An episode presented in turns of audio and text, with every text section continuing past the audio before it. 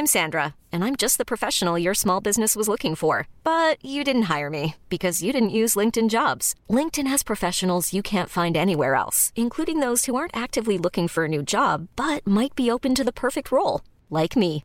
In a given month, over 70% of LinkedIn users don't visit other leading job sites. So if you're not looking on LinkedIn, you'll miss out on great candidates like Sandra. Start hiring professionals like a professional. Post your free job on linkedin.com/achieve today. Quality sleep is essential. That's why the Sleep Number Smart Bed is designed for your ever evolving sleep needs. Need a bed that's firmer or softer on either side? Helps you sleep at a comfortable temperature? Sleep Number Smart Beds let you individualize your comfort so you sleep better together. JD Power ranks Sleep Number number 1 in customer satisfaction with mattresses purchased in-store. And now, save 50% on the Sleep Number limited edition Smart Bed for a limited time. For JD Power 2023 award information, visit jdpower.com/awards. Only at a Sleep Number store or sleepnumber.com. Hey, it's Ryan Reynolds, and I'm here with Keith, co star of my upcoming film, If, only in theaters, May 17th. Do you want to tell people the big news?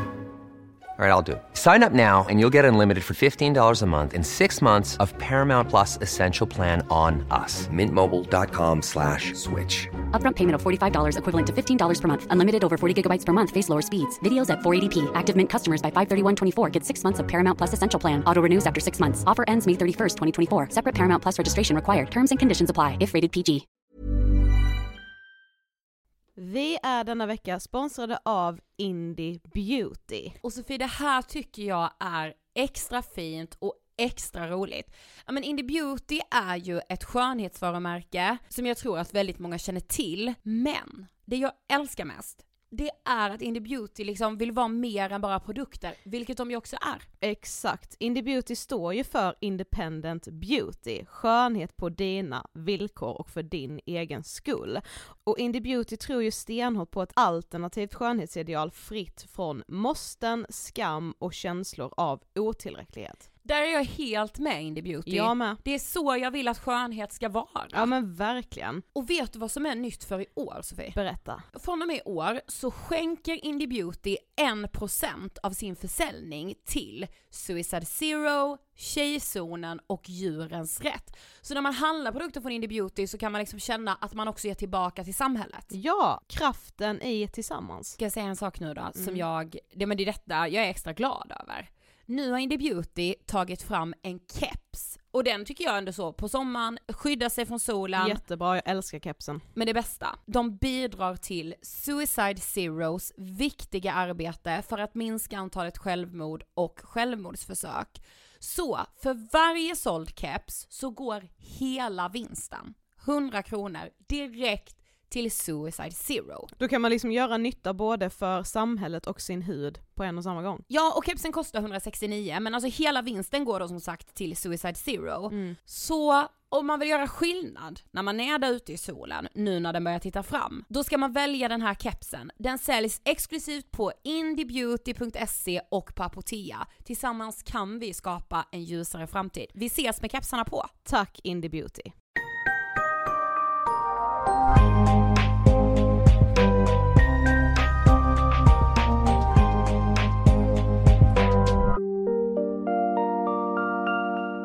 Hej allihopa och välkomna till avsnitt 431 av Ångestpodden! Hej! Hej!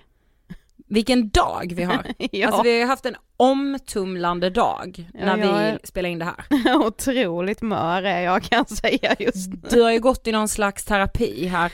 Ja, väldigt Precis. snabb terapi, men ja, ja. vi har varit alltså skrapat på ytan och jag har gråtit. Man kanske får höra på det här också ju.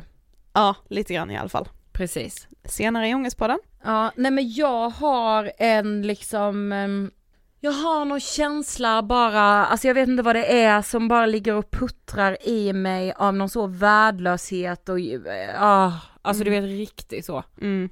Suck, suck. Tänker jag på första frågan vi fick i vårt nya format, frågan är när någon sa, är alla känslor ångest för er? Ja, det verkar så. Hade mitt svar varit idag. Ja. ja, idag är fan känslorna utanpå alltså. ja, ja men verkligen. Ja. Vi har med oss en gäst idag Ja. som eh, liksom, eh, vi har ju vetat vem hon är väldigt, väldigt länge. Ja, Nämligen Lina Mackbol, före detta Uppdrag granskningsjournalist eh, och just nu aktuell med boken Revolutionens första offer. Och alltså den här boken läste jag, alltså jag sträckläste ju den på två dagar. Precis, alltså den är ju liksom, den avhandlar ju också en tid som eh, har etsat sig fast, eh, alltså metoo eh, hösten 2017, men framför allt så när Lina får i uppdrag att granska svenska mediers roll under metoo. Och Men hur- utåt sett så blev det ju att hon granskade liksom fallet, framförallt fallet Fredrik Virtanen, Cissi Wallin. Exakt. Det var vi, ju inte anle- det var ju liksom inte grunden till granskningen men utåt sett var det det hon höll på med. Vi kommer ju prata mycket om Sissi i det här avsnittet. Eh, och Sissi är ju inte här och kan berätta och ge sin del av historien, vilket är viktigt att komma ihåg. Och vi kommer också prata om, ja men hur Lina, vad Lina fick eh, utstå och ta emot under den här tiden. Och hur medierna egentligen agerade i en tid då man så här i efterhand hade önskat betydligt mer. Vi rullar intervjun med Lina Mackbol. Varsågoda! Hej Lina och varmt välkommen till Ångestpodden! Tack så mycket. Jättekul att ha dig här. Vi Tack. sa ju det innan, vi har ju alltid varit stora fans av Uppdrag granskning, så det är väldigt fint att ha dig här. Mm, ja, vad roligt. Vi har liksom sett dig i rutan sen vi var jättesupunga, känns det som. Alltså verkligen. Ja. Men, men du ska få berätta, för de som inte vet, vem är du? Ehm, jag, eh, ja, vad fan börjar man med det? men, nej men jag, eh, jag heter Lina och har i många år jobbat som reporter på Uppdrag granskning, Sveriges Television. Eh, och jag har varit baserad i Göteborg. Jag är från Stockholm, men jag har bott i Göteborg ganska många år nu. Eh, nu jobbar jag faktiskt inte på UG längre, eh, sedan ett år tillbaka, utan nu jobbar jag med en true crime-serie som kommer till hösten, som görs eh, SVT Samhälle i Göteborg.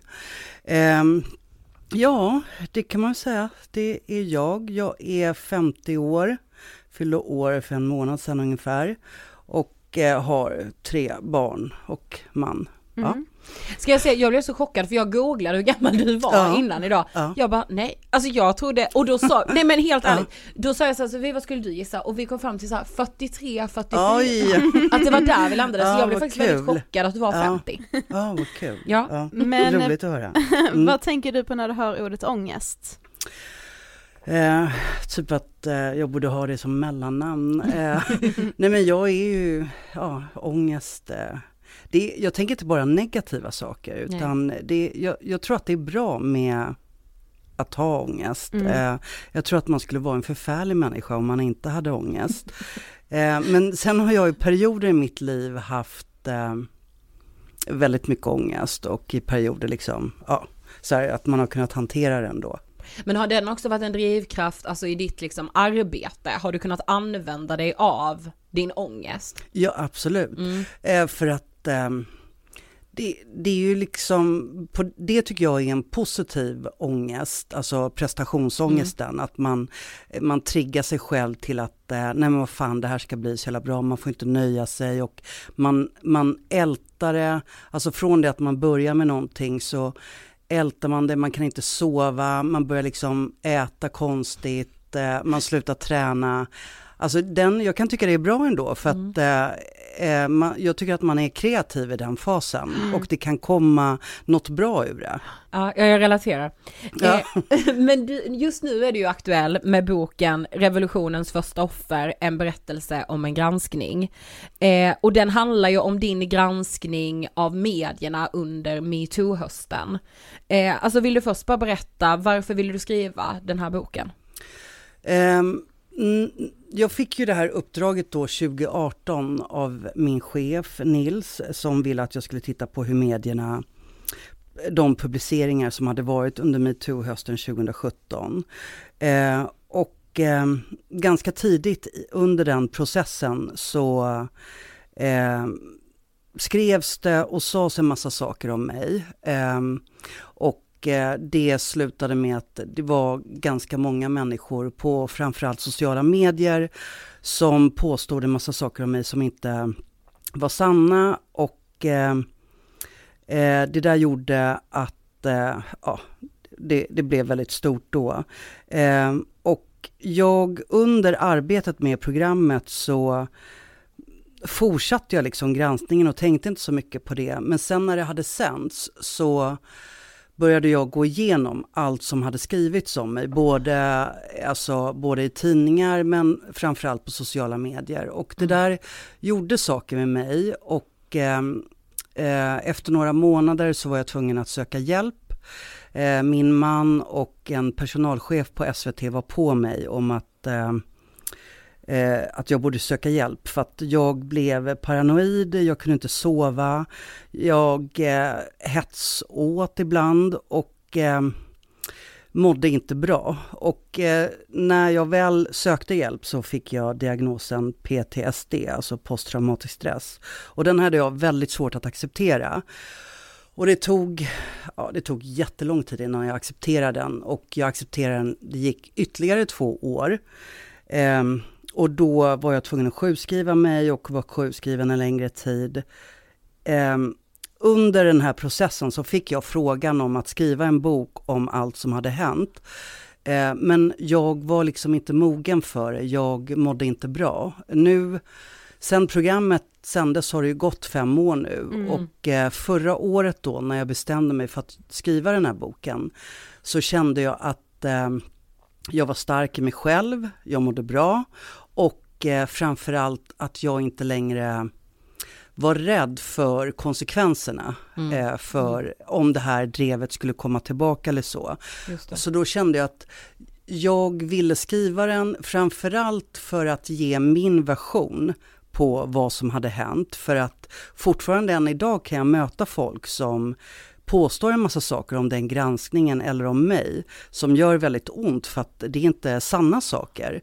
Så därför, det blev ett långt svar nu, men mm. det är därför jag har skrivit den. Ja. Jag tänker att vi kommer komma in på alla delar lite mer, men om vi ändå bara backar bandet, liksom när du, när du får det här av din chef att du ska göra den här granskningen, vad är det som gör att du själv känner att det är en granskning som du vill göra där och då? Eh, jag har eh, tidigare jobbat med mediekritik alltså, och, eh, och jag tycker att det är ett ämne som intresserar mig. Alltså vad, om man har haft fog för det man publicerar och så vidare. Jag, jag tycker att vi medier har en enorm makt och kan liksom påverka på så många olika sätt. Så därför tycker jag det är viktigt med pressetik och mediekritik. Eh, så när jag fick det här från Nils, eh, den här idén då om att göra den här granskningen, så var jag mer så här, ja varför inte? Eh, och då ska jag säga att då hade jag inte ens följt med i det som hade mm. publicerats under metoo-hösten för att jag var uppe i en annan grej då. Eh, så att jag hade inte ens läst de här artiklarna utan jag hade bara sett eh, löpsedlar och hört, eh, alltså det hade ju varit en massa diskussioner mm. och så på jobbet. Men jag hade verkligen inte läst artiklarna så att, eh, så jag sa egentligen till chefen att eh, ja men jag bara satt mig och kollade lite grann då vad som skrevs. Och då eh, gick det rätt snabbt för mig att hitta, då hittade jag ju två publiceringar som, som väckte många frågor eh, inom mig och eh, som gjorde mig intresserad att eh, gå vidare. Mm. För att jag ska bara säga det att när man får så här en uppgift på UG så är det inte så att man kan säga nej om man vill. Men det här tyckte jag verkligen, in, det var något som intresserade mig. Mm. Och publiceringarna var då den om Benny Fredriksson och Fredrik Virtanen? Precis. Mm. Men vad var det då, alltså om man då tänker, för, för jag tror ändå att många, kanske framförallt så yngre tjejer, tänker att det kanske inte fanns så mycket problematik kring det. Eller inte bara yngre tjejer, alltså kanske, ja men en yngre generation som är uppvuxna med sociala medier, även äldre har det ju verkligen visat sig. Men vad tyckte du att medierna och liksom journalisterna, eller journalistiken gjorde så fel under metoo? Eh, I de, de fallen jag granskade eh, så om vi, om vi tar till exempel Expressen då, när mm. de skrev om Fredrik Virtanen så utgick de från en rad inlägg som hade publicerats på sociala medier. Eh, de flesta var anonyma, anonyma kvinnor som hade skrivit. Ett var öppet, det var Cissi Wallin. Ja. Eh, och i Expressen så skrev man sex sidor om Fredrik Virtanen. Man skrev hans namn på löpsedeln första sidan och 70 gånger i själva artikeln. Men man intervjuade inte de här kvinnorna, man pratade inte med dem. Och det är ju, tycker jag, det är ju liksom formulär 1A inom journalistiken, att man försöker hitta belägg till det som mm. påstås. Att man åtminstone pratar med den som har kommit med uppgiften. Och sen när den personen har berättat vad den nu vill berätta, att man går vidare och försöker belägga det med typ eh, dokument eller att man pratar med andra personer som kan bekräfta att det är som den här personen säger. Det menar jag hade inte Expressen gjort när de gjorde den här namnpubliceringen. I, jag tittade också på Svenska Dagbladet som skrev om Fredrik Virtanen och de eh, hade pratat med några av tjejerna men man kunde inte se om de hade försökt hitta andra belägg för att det tjejerna påstod stämde. Och där menar jag och inte bara jag utan pressetiken, mm. att man måste ju ha på fötterna. För när man ska gå ut och anklaga någon, skriva om någon, att någon har begått så fruktansvärda handlingar, att eh, den personen är klandervärd, så måste man ju ha på fötterna. För att oavsett om man säger att det här är, de här anklagar den här människan för att ha gjort det och det och det och det och det, så är ju det någonting som klistrar sig fast. Alltså man ser ju bara shit, man ser ju våldtäkt, sexuella mm. övergrepp, trakasserier den personen är ju rökt sen. Mm. Den personen kommer ju inte kunna komma tillbaka. Och därför menar jag, eh, tycker jag att medierna är skyldiga att göra allt i sin makt för att hitta belägg för eh, för sådana påståenden. Ja men för det här var ju inte, alltså man minns ju detta så tydligt, det här var ju liksom en tid, alltså det var ju namnpubliceringar hitan och ditan, alltså det var ju varje dag. Mm. Eh, och det blev liksom det nya normala väldigt fort eh, i hela metoo på något ja, sätt. Ja men och alla blev ju så uppslukade, även vi då som egentligen bara är konsumenterna i hela det här, liksom alla de här publiceringarna eftersom vi kvinnor också ju började dela våra stories mm. om vad man hade varit med om under hashtaggen metoo, så man var ju väldigt så en, en enad trupp på något sätt. Ja, eh, ja. Och det är väl det som gör att det också kan går lite för snabbt ibland. Ja det var som att det räckte inte med bara berättelserna utan man ville ha namn. Ja, man ville precis. ha personer, man mm. ville se dem. Alltså... Mm. Ju grövre liksom desto mer klick typ. Ja. Men, men ganska snabbt in i arbetet med den här granskningen så blir ju du som du sa uthängd i sociala medier. Alltså vad är det som händer egentligen? Um, det börjar med att uh, jag börjar kontakta kända personer som har delat vissa av de här inläggen på sociala medier. Och då börjar det spridas att Uppdrag granskning gör någonting. Jag vill ju kontakta dem för att jag vill göra det jobbet som jag menar att medierna borde ha gjort under metoo-hösten. Mm. Så jag vill kontakta de här kvinnorna för att höra hur tänkte hur, alltså de kända kvinnorna som bara delade inläggen. Hur tänkte ni? Vad har ni ans för ansvar på, era på din plattform och så vidare. Och sen vill jag även kontakta kvinnorna som hade kommit med de här anklagelserna för att få förstahandsuppgifter från den personen. Eh, men det här börjar då spridas att någon på UG gör någonting och så vidare och eh, det är ju på något sätt är ju det är ju en liten värld så att helt plötsligt mm. hamnar får eh, metoo-samordnaren i Sverige får nys om min granskning, kontakta mig och, eh, och då har jag hållit på med det här i några veckor. Så att jag kan ju inte ge något svar på egentligen vad det är jag håller på med för att jag har ju inte riktigt förstått det själv. Eh, för att jag är ju bara i researchfasen. Mm. Så jag säger till henne väl att eh, eh jag tittar på liksom metoo-hösten och jag kanske vill intervjua det längre fram och så. Eh, och sen lägger vi på, dagen efter går hon ut i ett varningsmeddelande i samtliga metoo-grupper i Sverige. Och det var ju så Facebookgrupper, mm. olika yrkeskategorier mm. hade ju någon. Mm. Eh, och hon skriver det här varningsmeddelandet, det når tiotusentals personer. Så då blir det här, det blir väldigt stort. I samma veva har jag försökt nå Cissi Wallin för att jag vill intervjua henne och hon har sagt ja till intervju. Sen har jag sökt en annan person och det är här jag gör det som sätter igång allting egentligen. För att då ringer jag, tror jag, en vuxen person. Jag ringer ett mobilnummer. Men det mobilnumret går till den personens barn. Mm. Så det är ett barn som svarar. Och det här är väldigt vanligt alltså, eh, i mitt yrke, att man ringer någon och så är det ett barn. Och då får man ju bara fråga efter någon vuxen, den är inte hemma, så lägger man på. Eh, men det här blir en, en väldigt stor grej. Det här blir till att jag jagar brottsoffers barn. Mm. Att jag medvetet söker upp barn och börjar ställa frågor om det mamma är utsatt för. Och så läggs det här ut på sociala medier och eh, det blir till att eh, Uppdrag granskning, i början stod det så här, Uppdrag granskning jagar brottsoffers barn, jagar barn, pressar och hotar brottsoffer och det enda jag har gjort då det är alltså ringa ett nummer och så har ett barn svarat. Mm. Så det här blir väldigt stort och det börjar också spridas till de här uh, metoo-grupperna.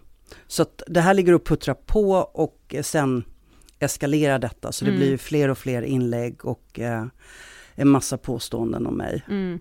Det är som att du går liksom över alla gränser för att såga metoo. Alltså ja. det är den bilden ja. man får, jag minns allt detta. Alltså, ja, det går, och det är det som vissa blir, delar. Ja. ja, det är det som blir så sjukt när man också läser boken för att man på något sätt kan jag liksom se mig själv och så, jag minns ju vad jag själv kände när jag såg programmet och mm. skulle nog inte känna riktigt samma sak idag. Nej. Mm.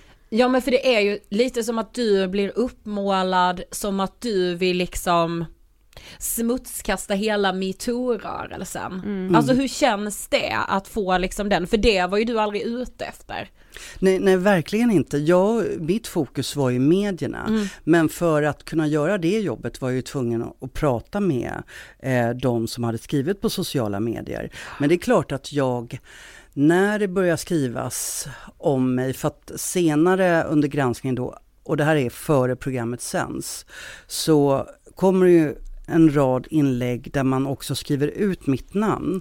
Och det är ganska vanligt alltså, det brukar inte hända så ofta att, att man blir så personlig, mm, att man går mm. på en specifik reporter, utan man brukar liksom, om man ska hata på UG så hatar man UG. Ja, man mm. skriver inte, men här var det mitt namn och man skrev saker om mig där jag såklart eh, blev väldigt ledsen när jag läste de inläggen. Och eh, jag gjorde ju och det här är då ett tips, men det här vet ju ni säkert, men man ska ju inte gå in och läsa kommentarer på Nej. sociala medier, alltså om, om det inte är positivt då. Mm. Eh, för att eh, jag gick in och läste allt och jag gjorde det medans jag höll på med eh, granskningen. Och, eh, och det är klart att eh, eh eftersom jag, först och främst, eftersom jag är kvinna och jag är också uppvuxen i en, alltså kommer från en kultur där det finns en hederskontext. Så eh, jag, för mig blev ju det här, eh, jag kände inte igen mig i den beskrivningen. Eh, för att det man påstod var att jag sysslade med eh, häxbränning bara i nyare tappning. Mm. Och eh, det här med att jag pressade och hotade brottsoffer, det eh, tycker jag det är ju ett avskyvärt påstående så att det gjorde ju mig väldigt ledsen att, eh, att man skrev så mm. om mig såklart. Men varför tror du att du blev så? För du beskriver i boken att du blev som nästintill liksom besatt av att kolla, kanske framförallt Cissi Wallins Insta och alla inlägg som hon uppdaterade hela tiden om, om det här och din granskning och så. Varför tror du att du blev så, ja men besatt av att läsa allting som skrevs? Eh, den här besattheten kom ju efter sändning eh, mestadels. Men jag tror att eh, om jag då får hobbypsykologisera mig själv. Det får man i ångestfonden. Ja, vad skönt. Det är det enda vi gör här. nej, nej, men jag, jag, tror att det är inte det en form av kontroll? Att jag vill kunna kontrollera situationen. Mm. Och det är som att jag för mig var det väldigt viktigt att ingen annan kom och berättade för mig, har du sett vad det står om dig ja, Lina. Ja. Utan jag ville se det först. Mm. Så att för mig blev det ju så här att eh, när jag vaknade på morgonen så gick jag in och kollade allt och innan jag gick och la mig så kollade jag allt. Och hade jag svårt att sova på natten så gick jag också in och kollade och började skärmdumpa och liksom eh, skapade en shitlist i min mobil också. Mm. Eh, på folk som hade kommenterat och sådär om jag kände igen namnen. Eh, eller folk som, som hade likat eh, inläggen så eh, skärmdumpade jag också de som hade likat. Mm. Ja men för jag tänker, alltså nu som du sa att du liksom under tiden du gör granskningen så är du ändå, ändå inne och läser. Jag tänker att många då kanske hade avbrutit nästan. Att, för alltså som du också beskriver, man mår väldigt dåligt, man läser det här om sig själv. Vad är det som får dig att fortsätta? Jag, jag tror att jag naivt eh, nog tänkte att när man väl ser programmet så kommer man förstå mm. vad det är jag har granskat och vad det är jag har gjort. Och då kommer man förstå att det här stämmer ju inte det som man har påstått om mig. Ja, mm. eh, men det var ju verkligen fel tänkt för att folk eh, blev ju inte glada efter sändningen heller. Men man kan också läsa mellan raderna i boken att under tiden du gör granskningen och kanske även efter att det blir dels ganska mycket alkohol och också att du hetsäter för att liksom på något sätt hantera den här situationen. Alltså hur skulle du beskriva din mentala hälsa här? Eh, bara säga att alkoholen kom in efter sändning men ja. hetsätningen var där i början. Eh, alltså, jag kan väl säga, det här kanske låter lite tokigt då, men, men jag brukar bli sådär eh, inför alla publiceringar jag gör, mm. att eh, i slutfasen så, så blir man så här, man blir nästan lite manisk. Mm. Man eh, käkar dåligt, slutar träna, eh, man tänker hela tiden hur man ska formulera allting i programmet, hur man ska ändra i manus, alltså det ligger bara och maler här bak. Mm. Eh, men det som tillkommer i den här granskningen var ju att eh, att jag också var rädd. Jag kände mig rädd och eh, eh, orolig. Eh, var det en ny känsla? Hade du ja, aldrig känt så innan? Inför? Nej, inte, mm. inte orolig utan jag brukar liksom mer här var det, det var ju så mycket också som hände i slutet inför att vi skulle sända. Eh, som gjorde att eh, det var så svårt att veta vad är det som kommer hända när vi sänder. Alltså, mm. För folk var ju så himla arga. Just. Alltså det var ju folk som skrev att de ville slå mig. Folk som önskade att jag var död. Så mm. det är klart att eh, då, det fanns en oro där. Men om vi tänker då alltså i ett, um, i ett tidsperspektiv. Hur länge håller du på med granskningen och när sänds den? Eh, det vanliga är, det kan ju ta allt från Ibland kan man hålla på i ett år och så. Ja. Eh, men här höll jag på, jag började 8 februari och det sändes 30 maj. Fyra ja. månader höll jag på. Ja men för när ni nästan är helt klara med, med programmet så bestämmer ju sig Cissi Wallin för att medverka i en intervju. Eh, och det har ju du försökt få till länge, men hon har tackat nej, men sen då eh, säger hon ja. Eh, vad känner du då? Då, ja, eh, då blev jag ju såklart eh, chockad först för att jag mm. tänkte men hon har ju sagt nej överallt. Hon har ju gått ut i medier och på sociala medier och sagt att hon aldrig kommer ställa upp på Uppdrag granskning. Så det här kommer ju som en chock.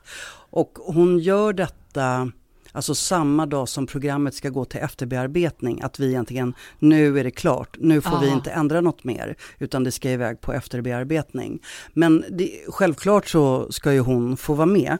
Så att eh, jag eh, känner direkt att eh, jag inte vill göra den intervjun eftersom jag vet med mig att eh, jag är påverkad av allting hon har påstått om mig. Mm. Så att jag kommer inte kunna göra bra ifrån mig. Och det här förmedlar jag till de närmaste, alltså på redaktionen.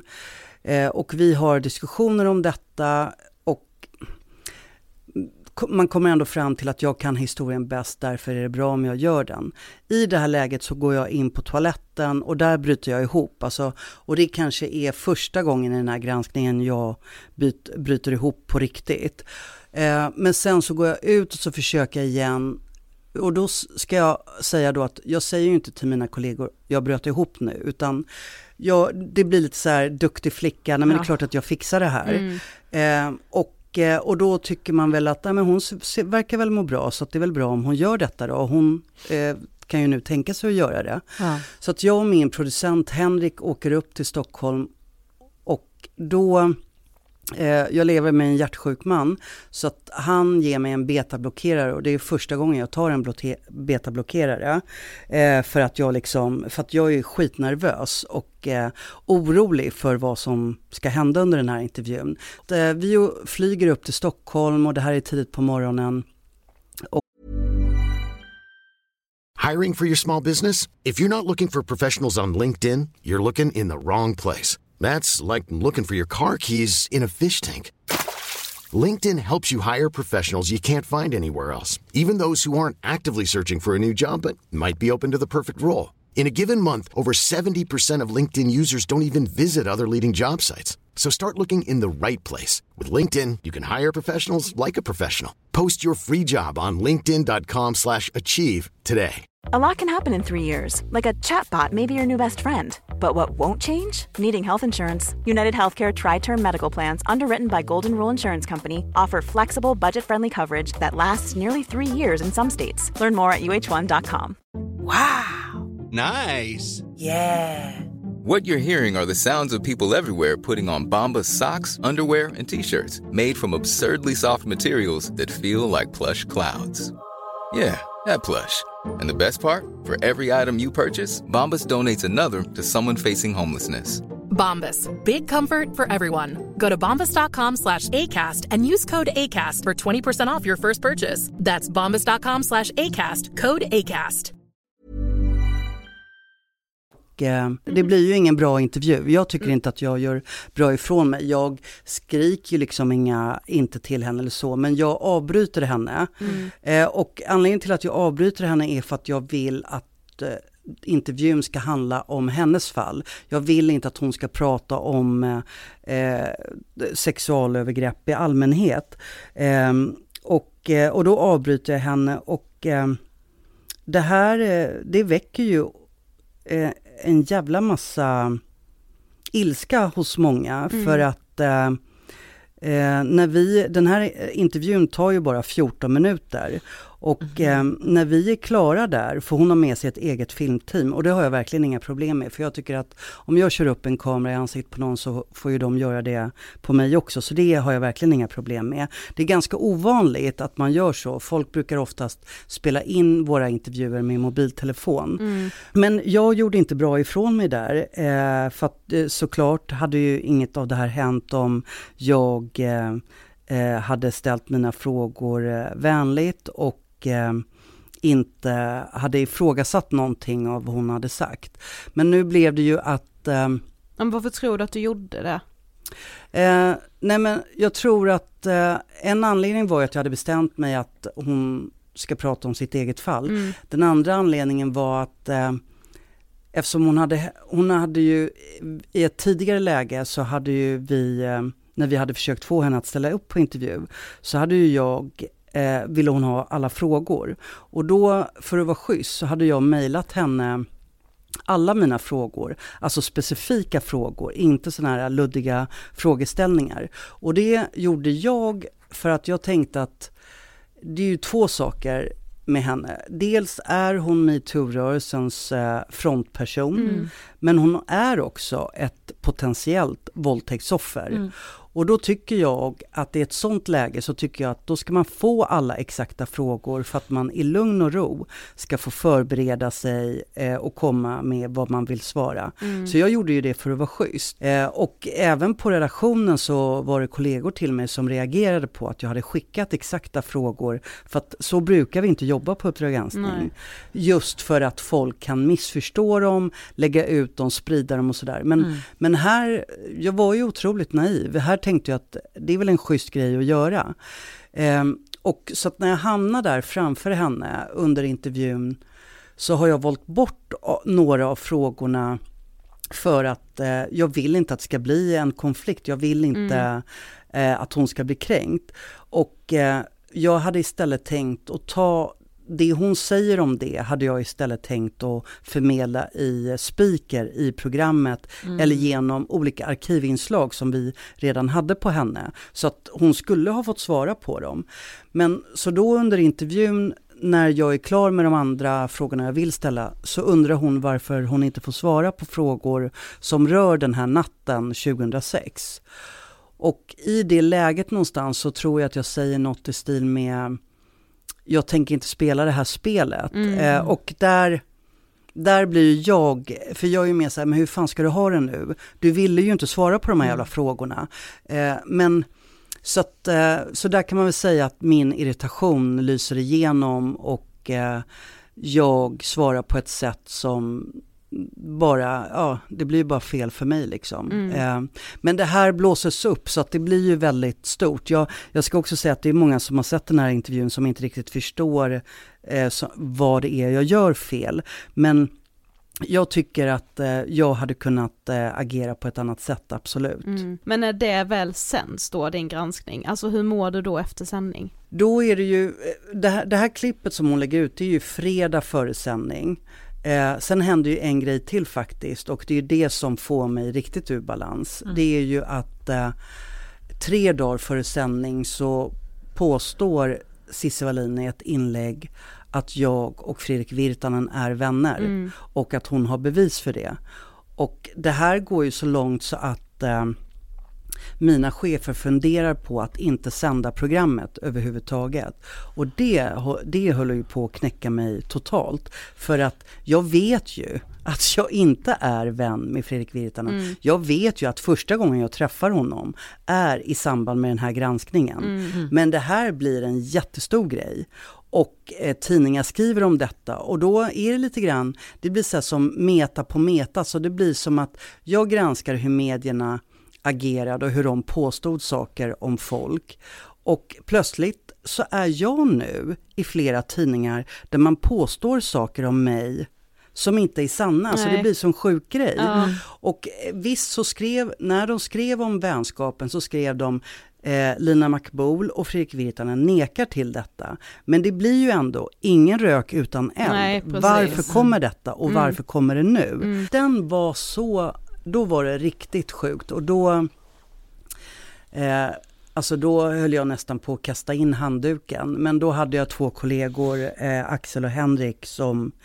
Eh, för att mina chefer var på väg att skriva ett pressmeddelande om att eh, vi kände inte till de här vänskapsrelationerna. För det visar sig ju så, eh, om man nu hänger med här, men det visar ju sig så att jag har en lillebrorsa här i, i Stockholm som eh, brukar ha en gårdsfest och eh, med en granne. Och på grannens inbjudningslista så finns Fredrik Virtanens namn. Mm, det är de- kopplingen. Liksom. Ja, det är Mm. kopplingen. Och de hade haft den här festen flera år tidigare och Virtanen hade varit där. Men jag var inte på den festen och inte min man heller. Eh, och min brorsa är inte vän med Virtanen så att det blev så här, mm, men det finns ändå någonting här. Mm. Eh, så att inför sändning där så var jag nog Ja, eh, jag, jag var nog mest eh, glad över att nu är det äntligen över, Mm, nu är det ja. sänt och liksom, ja. Men den dagen när det sänds, alltså läggs det upp på play då på, på morgonen? Ja, vi la upp det sex på morgonen och sen sändes Ah. det på kvällen också i tv, vanlig det. tv. Kollade du då? Koll- Kollade du liksom på? Nej, jag, på play så kollade jag bara att det funkar och sen stängde jag av liksom. Mm. Men på kvällen så satt jag faktiskt och drack vin och lyssnade på musik och bara lät det, alltså utan ljud Mm, tittade jag. mm. Ehm, men, eh, och sen så gick jag in i min mailbox efter sändning och då, det första mejlet var skäms könsförrädare. Och sen var det typ eh, den stilen på mejlen som, som följde. Och sen fick jag på min messenger så fick jag, ja, ja men typ eh, att jag som kvinna borde skämmas och eh, typ att jag är en skam för kvinnosläktet och sådana saker. Men gjorde det här någonsin att du vacklade liksom, alltså att du själv började fundera så, ja är jag en könsförrädare liksom? Ja, eh, Alltså nej. när man får så, så Ja. mycket så Ja, kanske så det ändå blir att man bara, ja massivt. är det jag som har tappat det fullständigt? Alltså, Alltså det, jag, jag, jag tvivlade ju på saken alltså under själva granskningen och liksom eh, gick igenom det i huvudet med mig själv. Vad fan är det jag har gjort? Vad är det jag gör egentligen? För att jag ställer ju frågor här. Jag vill ju veta vad det är som har hänt. Jag vill att kvinnorna själva ska berätta med egna ord eh, vad de menar att de har varit med om. Mm. Och, och då eh, hade jag inga krav på att eh, man ska göra det med en kamera uppkörd i ansiktet eller typ att man ska, eh, att det ska sitta massa folk och sådär och jag ska liksom korsförhöra dem. Utan jag vill ha liksom ett, ett samtal så att vi kan ses, ta en kaffe, så kan du få berätta för mig. Mm. Och jag hade inte heller som krav att du måste ställa upp i programmet, Nej. utan Mm. jag ville bara höra, jag ville att de Mm. med egna ord, eftersom tidningarna hade ju inte kollat de här uppgifterna. Men så därför så hade jag liksom lite svårt att förstå eh, den här ilskan.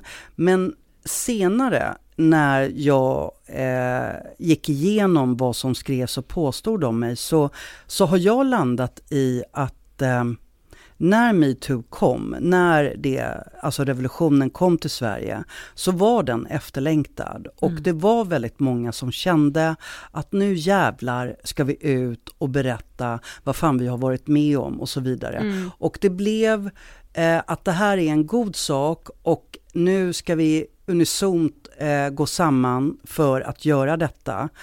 Och i det blev att eh, då ska man inte ifrågasätta någonting. Man ska bara köpa vad någon berättar Mm. rakt av. Man Mm. får inte ställa kritiska frågor eller så.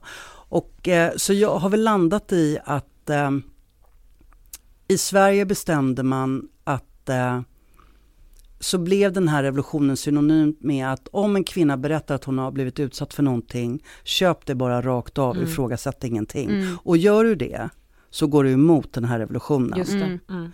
Och, och det menar jag är ju, ehm, det är klart att folk kan få känna de sakerna och eh, folk får väl tro vad de vill. Men i min roll som journalist så är inte min uppgift att, jag ska inte tro en massa saker utan jag ska ta reda på fakta. Ja. Och här, det var ju det jag försökte göra här i min yrkesroll. Så att jag vacklade inte eh, som med granskningen och vad jag höll på med, utan jag tycker att det var en, en viktig och relevant granskning som vi gjorde. Ja men för utifrån när man såg programmet så var, eller jag kände det då, jag tror många kände det att att man såg programmet att det mer var att det handlade om en granskning av Cissi Wallin, eh, en av mediernas roll under metoo. Eh, och programmet blev ju också fällt för intrång i Cissi Wallins privatliv, men ni friades på punkterna kring att ha varit partiska och osakliga. Eh, kan du förstå att ni fälldes på den punkten och hur, det, alltså hur programmet kan ha uppfattats? Eh, jag, jag kan eh, förstå, om, om vi börjar med hur det uppfattades, Mm. så är min tolkning att det uppfattas så för att det här drevet var så massivt och det var den här bilden som gavs Mm. i inläggen som skrevs om granskningen. Eh, så jag tror att det är därför man får den känslan. Mm. Men om man tittar på programmet som tyvärr inte finns på SVT Play längre, så är biten som rör Cissi Wallin och eh, Fredrik Virtanen är bara några minuter lång. Programmet är en timma. Mm. Så att då tycker jag att det blir liksom fel att tolka det på det sättet. När det gäller att vi fälldes för intrång så eh, blev ju det här programmet rekordanmält. Det har fortfarande rekordet på SVT, Mm. 2187 anmälningar. Eh, och Cissi Wallin hade inte anmält det, utan granskningsnämnden vände sig till henne för att om man ska pröva intrång i privatlivet så måste den som känner sig kränkt ha anmält. Så de Aha. vände sig till henne. Och då säger hon att hon vill få den saken prövad. Och där menar jag att jag har, eh, jag kan eh, köpa att vi fälls för det. Men jag tycker då att då borde man egentligen ha gjort samma sak med Virtanen. För det vi påstår om honom i programmet kan ju också uppfattas som intrång i Mm. hans privatliv. Så jag tycker att eh, granskningsnämnden är inkonsekventa här. Mm. Att de eh, värderar intrånget i hennes liv eh, större än vad de gör med Virtanens. Men vi läste en intervju med dig att du ångrar lite att ni inte sökte Expressens dåvarande chefredaktör Thomas Mattsson och Expressens ledning mer än vad ni gjorde. Eh, varför tror du att ni inte gjorde det? Eh, jag, vi försökte ju gång, flera gånger få tag på Thomas Mattsson och Karin Olsson och jag mm. Eh, både ringde dem, mejlade, jag tror till och med att jag skrev till dem på Twitter. Mm. Eh, och eh, de ville inte ställa upp i programmet. Ehm, de menade att det pågick eh, eh, pressetiska, eller eh, processer i Pressens opinionsnämnd, för de hade blivit anmälda för flera publiceringar och därför inte kunde uttala sig. Det tyckte både jag och min redaktör var ett väldigt svagt argument att det är klart att de kan förklara hur de tänkte när de eh, publicerade granskningen mm. om Fredrik eh, Virtanen. Men eh, i, eh, vi hade hela tiden tänkt att vi skulle eh, försöka få till en intervju med Thomas Mattsson under sista veckan som vi höll på med programmet. Ja. Men allt det här försvann ju, alltså eftersom i samma veva så vänder ju Cissi Wallin och vill vara med. Ja. Och sen kommer den här anklagelsen om vänskapskorruption. Mm, och jag kan säga att det, eh, det var väldigt mycket att hantera internt på SVT. Vi hade Eh, på SVT har man ju så här uh, publikdialog och uh, massor, massa folk som sitter och liksom försöker svara på kommentarer från tittare. Mm. Och här, alltså det här var det sanslöst. För det var liksom på Facebook, Twitter och Instagram det ramlade in frågor om den här anklagelsen om vänskap. Mm. Och sen eh, när Cissi Wallin hade lagt ut intervjun. Så det blev ju väldigt stort. Så att det här tog ju fokus från det som vi borde ha gjort. Och mm. jag låg ju nästan hemma i fosterställning och kunde inte tänka klart. Så att, och mina chefer var upptagna med att svara alla. Så, att, så därför blev det att det glömdes bort. Och det är klart att eh, jag ångrar att vi inte hade med Expressen. Eh, och jag ångrar även att eh, vi i programmet inte var tydliga med vad journalistik går ut på mm. och hur man ska tänka kring publiceringar, alltså när man hänger ut folk till höger och vänster. Alltså att man, man kanske hade kunnat intervjua pressombudsmannen, mm. nu heter det ju medieombudsman ja, tror jag. Eh, att, eh, för att ehm, eh, få en tydligare förklaring till felen som begicks. För att senare, alltså en månad efter att det här programmet sändes, så får ju vi rätt egentligen. För att de granskningar som vi granskade fälls ju i ja, Pressens ja, opinionsnämnd. Eh, så det kan jag ångra att, eh, att vi inte gjorde, att vi inte var tydligare med det. Men om man tänker då alltså i en revolution eller liksom i en förändring som, som man ändå betraktar metoo som, så är det ju vissa som menar på att några kanske får offras. Alltså att det, jag tror det var Emanuel Karlsten som, som skrev att men det, det är värt det. Vad, vad tänker du kring det, är det värt det? Kan det vara det? Oj, vilken bra fråga. Eh, jag skriver i boken också att eh, Emanuel Karlsten ju har en koppling till Cissi Wallin så jag tycker egentligen att det är helt sjukt att han skriver om detta eh, men, eh, och inte är offentlig med att han är, har kopplingar till Cissi. Men eh, jag eh, håller ju naturligtvis inte med honom eftersom eh, metoo-publiceringarna har ju fått förödande konsekvenser för en rad människor. Och eh, inte bara i Sverige utan även i andra länder. Eh, och eh, jag vill inte säga att eh, eh Kulturhuset Stadsteaterns tidigare VD Benny Fredriksson eh, han tog ju livet av sig eh, i mars 2018 som en konsekvens av publiceringarna om honom.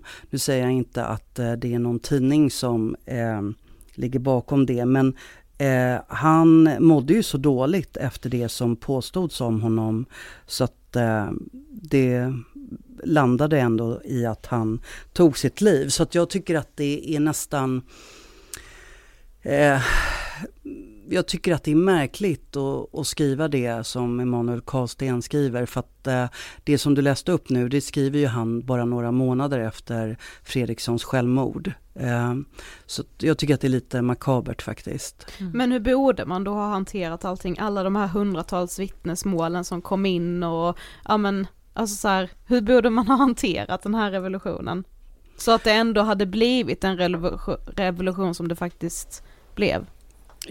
Jag, vet inte om, om ni kommer ihåg men eh, det fanns ju ett upprop som hette hashtag tystnadtagning. Mm, mm.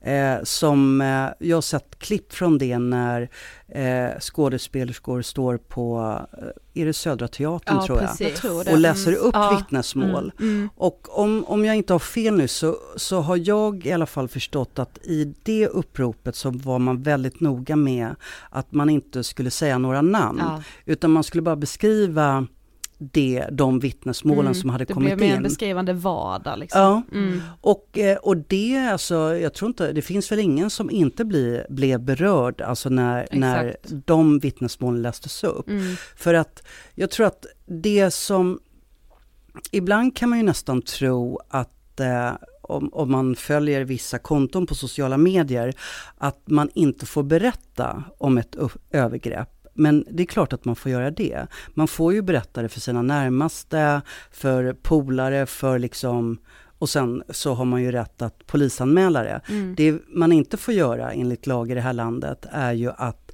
skriva ut sådana här saker på sociala medier, för då blir det förtal. Mm. Eh, så det är klart att det går eh, att prata om detta utan att skriva ut namn.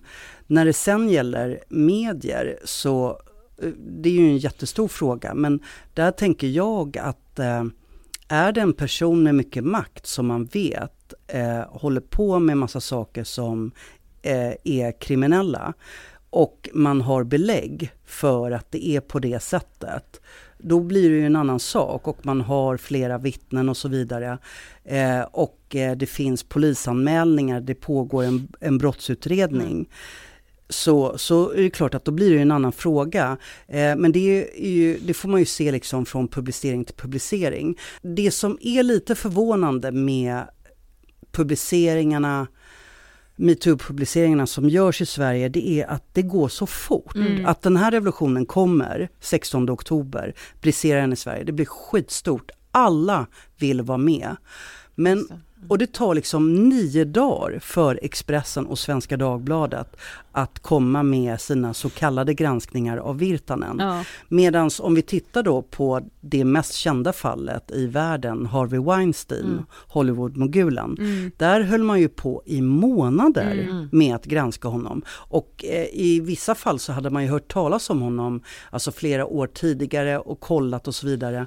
Men sen så satte sig liksom ett team på New York Times. Jag tror att de höll väl på i tio månader om det inte var tvärtom, The New Yorker höll på i fyra månader. Mm. Och där kollar man ju verkligen allting. Alltså man gick ju in alltså nästan på ett absurt sätt och sa någon ett hotellrum så åkte man ju till det mm. hotellet, kollade hotellrummet. Ja. Alltså man, allt kollades. Mm. Här i, när det gäller Virtanen så verkar ju inte ens reportrarna ha läst den nedlagda förundersökningen.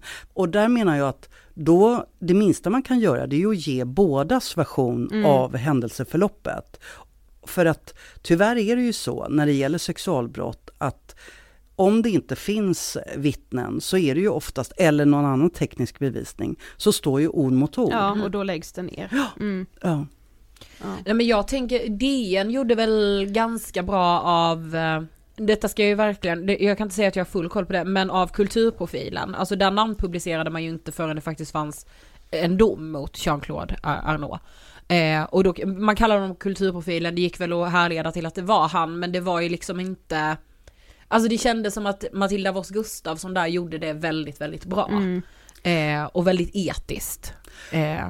Ja, eh, jag, jag har faktiskt inte kollat den granskningen. Eh, jag bara tänkte på det där med att de kallar honom kulturprofilen ja. men skrev att han var gift med en akademiledamot. Det ja. finns 18 stycken, det är ju inte så jättesvårt Nej. att lista ut. Nej. Men, eh, men jag har faktiskt inte kollat eh, eh, den granskningen. Nej, jag, jag kollade ja. lite i förmiddags bara för att jag började tänka att så här, hur gick den till nu igen och så här, ja.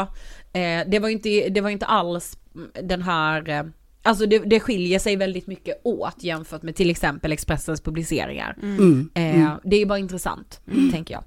Okej, Lina vi har kommit till sista frågan. Eh, det är bara generellt för, liksom, för dig som är liksom en så mångårig journalist och jag är speciellt intresserad i ditt jobb. Vad inspirerar dig? Nej men alltså in, inspirera mig, alltså jag, eh, jag älskar ju att eh, berätta bra historier. Jag älskar att ta del av, alltså att, eh, att vara ute och träffa människor och eh, eh, intervjua dem. Ehm, så att, och mitt jobb det är ju så olika från dag till dag. Alltså man träffar ju liksom, det är ju olika personer hela tiden. Men eh, så att det är väl det, som att träffa människor inspirerar. Ja. Mm. Tack så jättemycket för att du ville gästa Ångestpodden. Ja, tack. Tack för att jag fick komma hit. Tack. Alltså det är alltid speciellt att ha journalister här som man liksom har följt och sett så länge. Alltså Lena har gjort så mycket granskningar som jag ju har älskat. Men jag, alltså, jag tycker att det här är så svårt. Alltså jag tycker, och det är ju liksom flera tankar i huvudet samtidigt och så Mm. vidare och så vidare.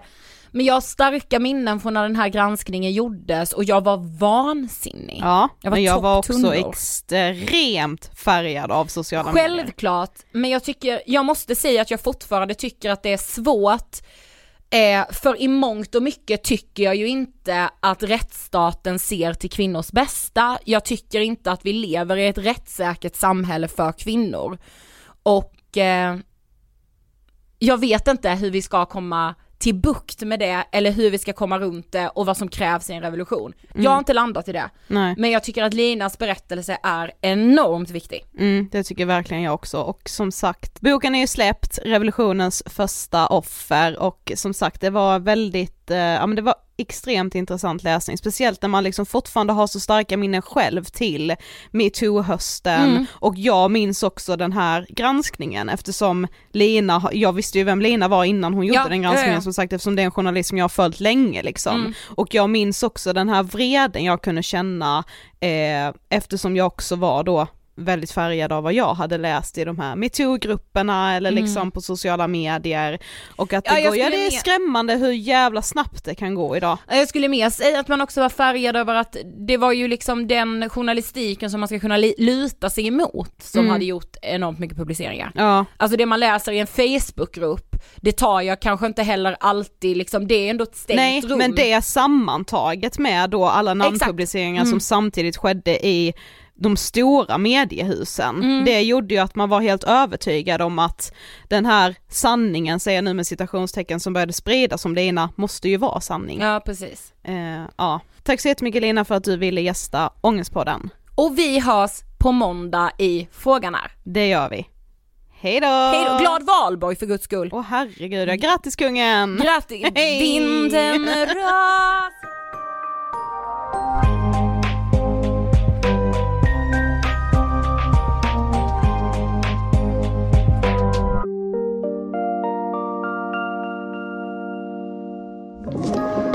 Podplay.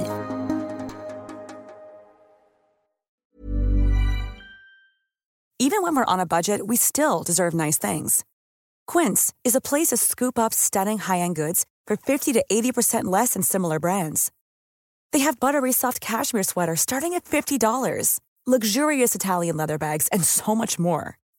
Plus, Quince only works with factories that use safe, ethical, and responsible manufacturing. Get the high-end goods you'll love without the high price tag with Quince. Go to quince.com slash style for free shipping and 365-day returns.